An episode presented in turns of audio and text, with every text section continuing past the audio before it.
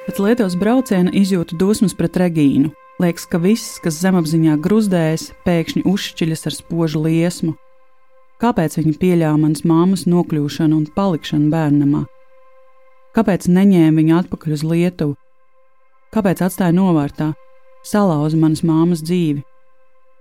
Iztēlojos Regīnu kā neiejūtīgu un emocionāli vēsu. Ar grūtībām spēju viņu saukt par vecmāmiņu un nemaz nenojaušu, ka jauna atklājuma arhīvā un saruna ar vēsturniekiem jau drīz mainīs manu attieksmi pret Regīnu un pagātnes notikumiem. Šis ir dokumentāls stāsts Māmas lieta. To Latvijas radio podkāstam dokumentārijas veidoja es, Aiga Veckalna un redaktore Dācis Krējere. Ceturtā un noslēguma sērija - Izlīkšana. Pāris nedēļas pēc Lietuvas brauciena E-pastā saņem atbildi no iekšlietu ministrijas informācijas centra. Esmu satraukta šo elektroniski parakstīto dokumentu, varot vaļā, ievelku elpu un sāku lasīt. Uzzinu, ka Regīna tiešām ir tikusi notiesāta Lietuvā un vēlāk izcietusi sodu Latvijā. Līdz ar to sakrīt viss, ko, nu, vismaz tas, ko valdes man bija teicis par to, ka viņa bija nonākusi cietumā Latvijā. Nu, tātad kādi mums ir, ir fakti? Regīnu notiesāja 1956. gada 9. martā, piespriežot cietuma sodu uz pieciem gadiem par īpašumu zādzību. Sodu paredzēts izciest labošanas darbu kolonijā ITK 6, tas rakstīts krievu burtiem. Kā vēlāk noskaidroja, ITK 6 ir labošanas darbu kolonija, jeb izpraviķinē trudavāja koloņie, un numurs 6 atrodas Īļu ciemā. Tas ir Īļu ciems sieviešu cietums. Mana mamma Regīnas notiesāšanas brīdī bija vienu gadu veca. Un izziņā ir rakstīts arī, kad Regīna atbrīvoja no ieslodzījuma. Un valdis man teica, ka viņi nosēdēja tikai gadu no paredzētā cietumsoda, un izziņa to apliecina, ka 57. gada aprīlī viņa ir atbrīvota no apcietinājuma saskaņā ar lēmumu par apžēlošanu. Nu, atliek tikai noskaidrot, ko viņa nozaga un kādos apstākļos. Vai tiešām tas bija katliņš veikalā, kā man Lietuvā sacīja valdis? Sazinos ar lietuviešu ģenealogu Laimonu Grīvu, jo man ir nepieciešama palīdzība Lietuvas tiesas sprieduma meklējumos un skaidrojumā. Laimons iesaka rakstīt Kaunas arhīvam un lūgt krāsainu spriedumu kopiju, lai to varētu vieglāk salasīt. Dažas nedēļas vēlāk e-pastā saņemu spriedumu manas vecās māmas Regīnas Tiškvičūtas lietā. Spriedumi patiesībā ir divi. Sākotnējais, ko tautas tiesa pieņēma 56. gada martā, un arī apelācijas spriedums, ko pēc mēneša pieņēma augstākas instances tiesa. Tie abi ir uz trim lapas pusēm, kopā sešas lapas, un piespriestais sots abos spriedumos ir identisks. Arhīva atsūtītās krāsainās kopijas kvalitāte ir izcila, un es varu labi salasīt ne tikai ar zilo tinti rakstīto tekstu smalkā un rūpīgā rokrakstā, bet arī saskatīt nolocītās vietas, laika gaitā sadzeltējušās un sarulējušās lapas, ātršuvē izveidotos caurumus spriedumu ievietošanai lietā. I'll put the recording on, okay? Okay, okay. Yeah. okay. Yes, you printed all the pages, they're beautifully scanned. Right? Tajā pašā vakarā sazinos ar Laimoni, kurš man šo spriedumu pārtulko un paskaidro. Beidzot zinu, kāpēc mana vecā māte nokļuva cietumā. And the reason is uh, she tried to steal 55. gada 13. septembrī viņa no kādas auduma veikala apmeklētājas rokas somas nozoga 170 rubļu. Uh, Tolaik tā bija apmēram piekdaļa vidējās algas, norāda Laimons Grīva. Zādzība notika tagadējā Laisvas ielā, populārā Kaunas gājēja ielā. Regīnai zādzības brīdī bija 23 gadi. Manai mammai nepilni septiņi mēneši. Kas īsti notika? Laimons tulko spriedumu un stāsta.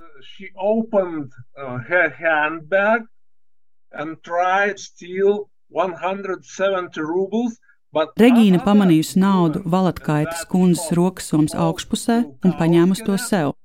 To savukārt redzēja cita veikala apmeklētāja, Pilskaukienas kundze. Viņa sāk skaļi saukt, ka notiek zādzība.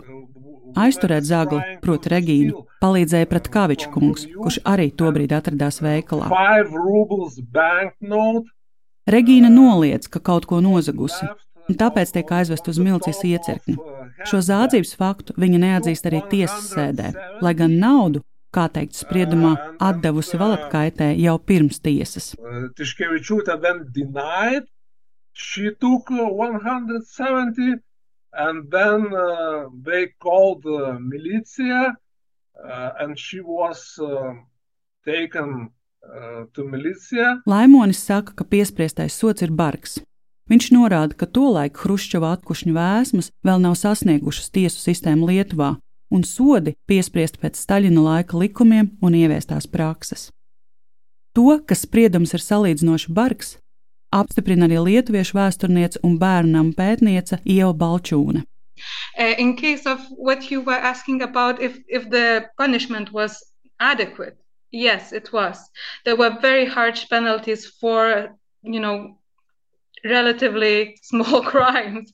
It could be, you know, five, even, eight years of imprisonment for especially women, actually. Viņa novērojas, ka sievietes tolaik sodīts bargāk nekā vīrieši. Iespējams, tāpēc, ka viņas atļāvās diskreditēt tolaik ļoti cildināto padomu sievietes tēlu.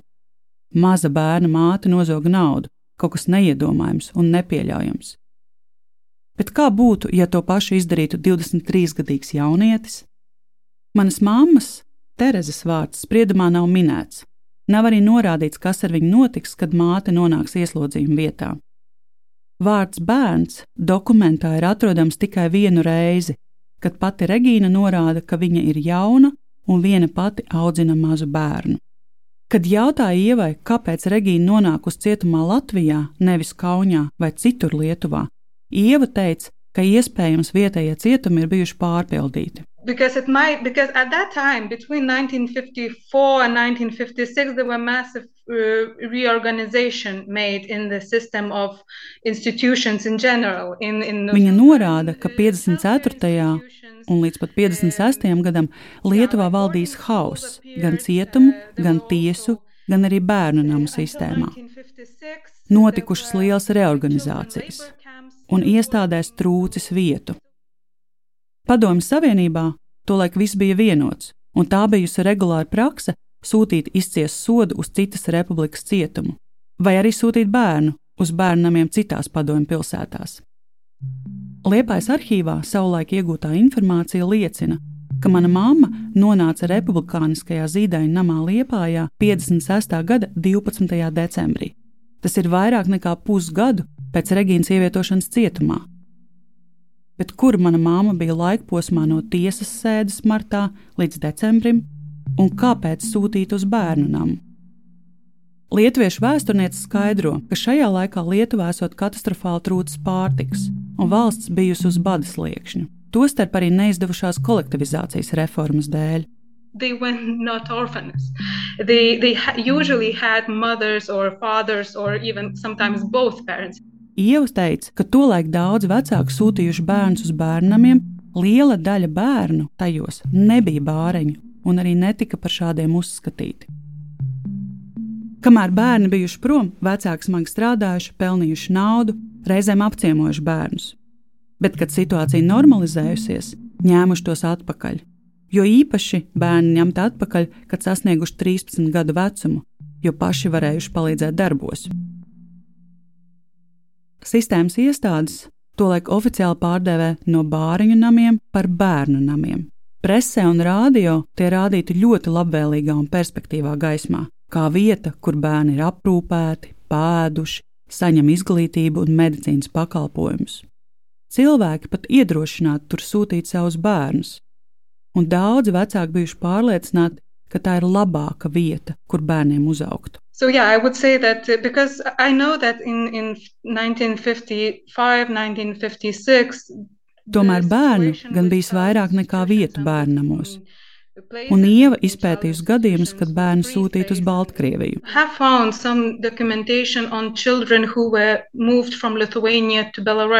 Jo īpaši trūcis vietu to māšu bērniem, kuras atradās cietumā. Regīnas tiesas spriedumā teikts, ka viņa tolaik nestrādāja un audzināja bērnu viena. Regīnas mammai, manai vecvecmammai Marijai, savukārt bijusi invaliditāte. Regīnas brāļi un māsas nepilngadīgi. Atceros, arī Valdis stāstīja, ka Regīnai bijuši septiņi vai astoņi brāļi un māsas, un ka visi vienmēr bijuši izsalkuši. Mans vecvectēvs Zenons jau bija miris. Marijas māja Aleksotos bijusi tikai viena liela istaba, kur visi dzīvojuši. Man ir viegli iztēloties, ka Regīna visticamāk zagus aiz izmisuma un trūkuma, mēģinot izdzīvot un pabarot bērnu. Iespējams, šo ģimenes apstākļu dēļ mana mamma 56. gada beigās aizvest uz Liepājas zīdainamu, jo gal galā arī viņas māte Regīna atradās Latvijā, Iļu ciemu cietumā. Bet varbūt tika pildīts toreiz likumā noteiktais. Ja bērna vienīgais apgādnieks nonāk cietumā, bērnu sūta uz bērnamu. Vecmāmiņa Marija bija slima, tādēļ nebija uzskatām par apgādnieku. Saku Ievai, ka Liepājas arhīva izziņā minēts, ka mana māma tur aizvest ar Lietuvas veselības ministrijas transportu, par ko liecina ceļazīmes numurs. And especially if the child, for example, was sick at the time and had to be put into the in the um, uh, hospital, Hospital. Yeah. then then and if, uh, for example, medical personnel would notice that uh, there is nobody who is you know visiting that child or um, Ieva apstiprina, ka šādos gadījumos, jo īpaši, ja bija runa par zīdaiņiem, patiesi bieži iejaucās veselības ministrija vai slimnīca, ja, piemēram, bērns bija slims vai novārdzis. Iespējams, kāds bija apsakojis vecmāmas Marijas mitekli un nolēms, ka bērnam būtu labāk bērnamā. Tolaik arī bija uzstādījums mazināt bērnu mirstību, un veselības ministrija cieši sadarbojasies ar zīdaiņu namiem. Varbūt kāds bija pieņēmis lēmumu atrisināt problēmu šādi. Nereti to darīja cilvēki, kas vēlējās palīdzēt, kuriem bija pazīšanās un iespēja bērns iekārtot kādā iestādē. To bieži ir izcinājuši arī neoficiāli, norāda Ieva. so yeah so if the situation at your mother's grandmother's um, place was difficult and it was seen as a threat to her life you know Pētniece pieļauj, Kāds varēja pamanīt, ka situācija manas vecmāmas mājā apdraud bērnu drošību un veselību. Tāpēc pieņēma lēmumu ievietot manu mammu bērnu namā.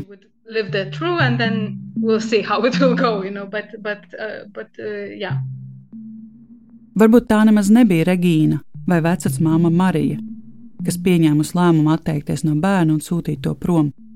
Varbūt viņu vietā lēms kāds cits. Vēlāk, ja mana māma nonākusi sistēmā, no nepilna divu gadu vecuma zīdainamā Liepājā, no četru gadu līdz skolas vecumam bērnamā Jēkabpilī, skolas gaitas Sigultas internāta skolā, vienmēr tur, kur bija brīva vieta. Tagad man tas šķiet tik sarežģīti un necilvēciski, bet tolaik ierasta un bezpersoniska prakse. Bet varbūt mana vecmāmiņa Marija pati nosūtīja mazmeitu uz bērnam, jo nespēja viņu pienācīgi aprūpēt, un šo faktu vēlāk noklusēja. Intuitīvi pretojoši šai domai, jo māma stāstīja, ka visu to laiku palikusi Marijas mājā Aleksotos, un ka viņai kādu dienu atbraukuši pakaļ un aizveduši prom. Stāstā īpaši uzsvērta melnā mašīna un tumšie stāvi, kas atbraukuši nakts vidū. Māma arī Alša atcerējās, cik ļoti viņa vecmāmiņa mīlējusi. Man ir grūti noticēt, ka Marija būtu pati sūtījusi manu divgadīgo māmu prom, tāpēc izvēlos ticēt versijai, ka kāds tiešām atbrauc pakaļ un aizveda meitenīti no kaujas uz liepāju. Protams, tā ir mana faktu interpretācija.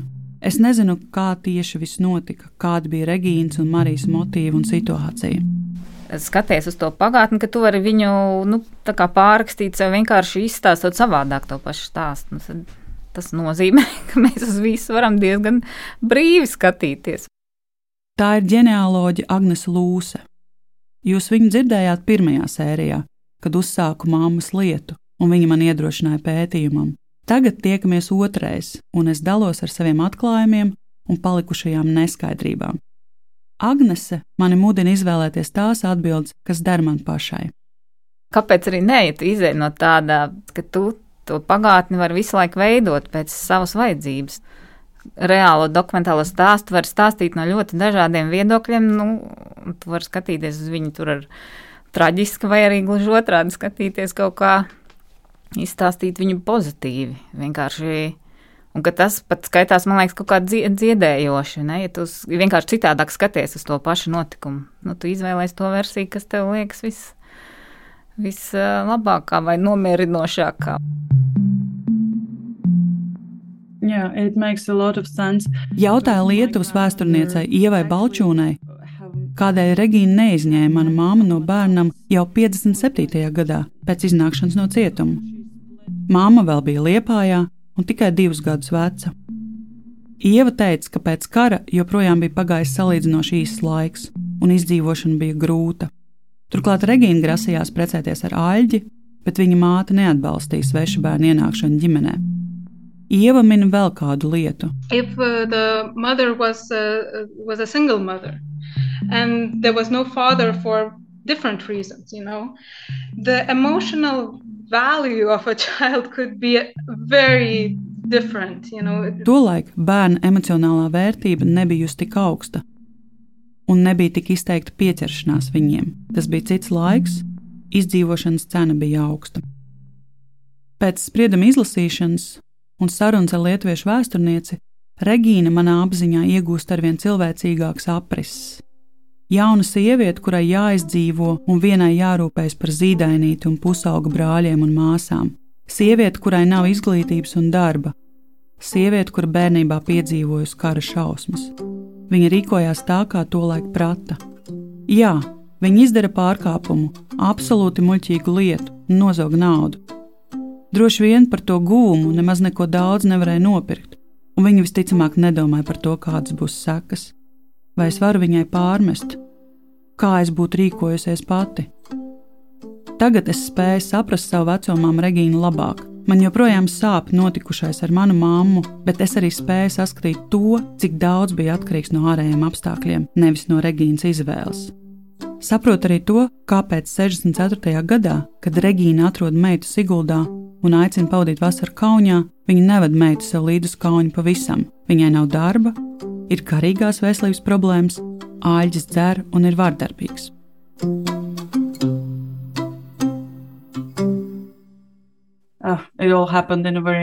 Time. Ja vien mana māma būtu piedzimusi piecus gadus vēlāk, viss būtu citādi. Es saku, ievai. A few years later, it might be maybe different. Yeah. Yeah. Padomju režīms, tā bezpersoniskums un tā laika situācijas sadragāja Regīnas dzīvi. Mana māma no divu gadu vecuma audzināja bērnam sistēmas darbinieki, kuri runāja svešā valodā un kuri nesniedza ģimenes siltumu un mīlestību. Es uzaugu ģimenē, kurā jūtu šo notikumu atskaņas, mantojums, ko viena otrai atstājam. Un pēkšņi es skaidri apzinos, ka mana mamma izdarīja vislabāko, ko spēja, tajos grūtajos apstākļos, kuros uzauga un kuros izdzīvoja. Viņi izdarīja gandrīz neiespējamo, lai izaudzinātu mani un iedot man spēcīgu pamatu dzīvē.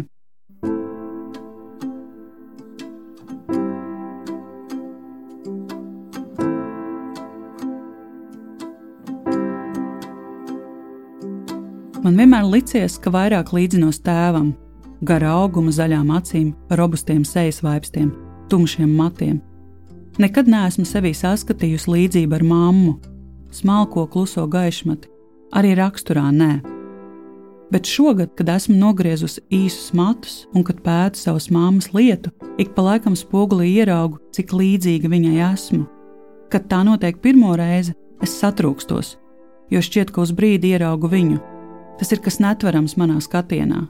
Arī pētot Regīnas bildes, no saskatu līdzību nolieku blakus mūsu abu fotografijas un pētu. Viņas sejas vārps ir izteiktāki, lielāki, gluži kā man, jo īpaši tas ir redzams profilā. Un deguns, vai man gadījumā nav vecmāmas deguns? Man patīk šī līdzība. Patīk, ka beidzot sevī atpazīstu mammu. Varbūt ar laiku notvēršu arī rakstura īpašības. Varbūt tās jau ir, bet neesmu apzinājusies šo līdzību. Es sevi ieraugu māmas dzimtu. Tā ir ierakstīta manī spēcīgāk nekā biju domājusi. Tukšie lauciņi dzimtas kokā aizpildās, un es gūstu atbildes uz saviem jautājumiem. Gan par to, kas notika, gan par to, kāda bija Regīna un mana mamma, un kāpēc viņas rīkojās tā vai citādi. Jūtu, ka izlīgstu ar Regīnu, jūtos spēcīgāka un pilnīgāka, un šo spēku man vairs nevarēs atņemt.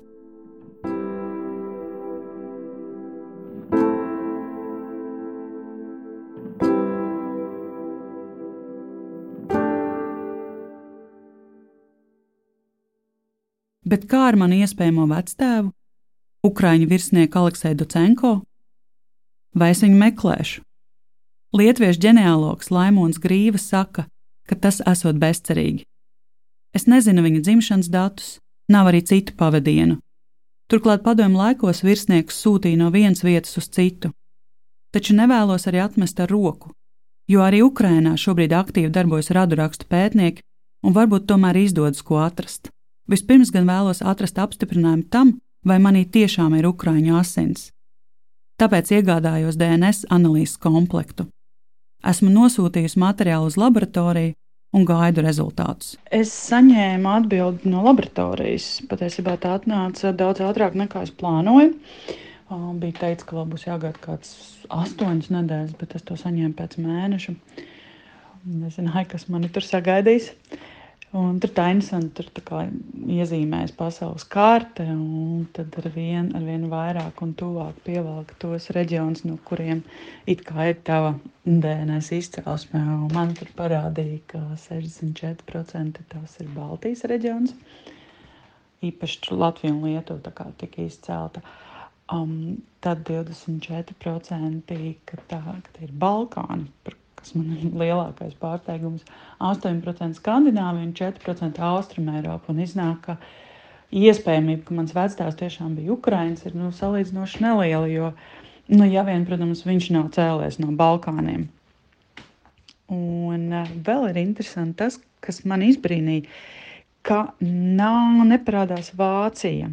Mm, jo Google mana tēva dzimta nāk no Vācijas, un viņam ir vācu saknes. Nu, tā kā izskatās, ka izpēta turpināsies. Šis ir podkāsts dokumentārijas. Stāsts māmas lieta. Mani sauc Aiga Veckalna. Podkāstu skaņu režisors ir Ivo Tauriņš, redaktore Dācis Krejere. Bez viņas iedrošinājuma un palīdzības šis stāsts nebūtu tapis. Producente Justīna Savicka. Stāsta vizuālo identitāti veidoja Beāta Bērziņa. Ģenealoģija Agnes Lūse man iemācīja meklēt informāciju un šķetināt tās pavadienas, bet atsaucīgi arhīvu speciālisti sagādāja piekļuvi dokumentiem. Lietuviešu vēsturnieki Ieva Balčūne un Laimons Grīva ļāva ielūkoties vēsturiskajā kontekstā un atšifrēt Lietuvas dokumentos minēto. Īpaši paldies manas māmas draudzenēm Svetai, Ludmilai Rīgā un Ludmilai Igaunijā par ieskatu māmas dzīvē un iespēju sajust viņas klātbūtni kaut uz mirkli. Novembra beigās, kad podkāsts jau bija ierakstīts, saņēmu ziņu, ka mammas brālis Valdis ir miris. Aizgājis tikpat strauji un pēkšņi kā mana mamma, un tikai gadu pēc viņas nāves. Esmu pateicīga, ka dokumentārī dēļ man bija iespēja aizbraukt pie valdu uz Kaunu sajust viņa ģimenes spēcīgu atbalstu un atklāt nezināmo par mammu.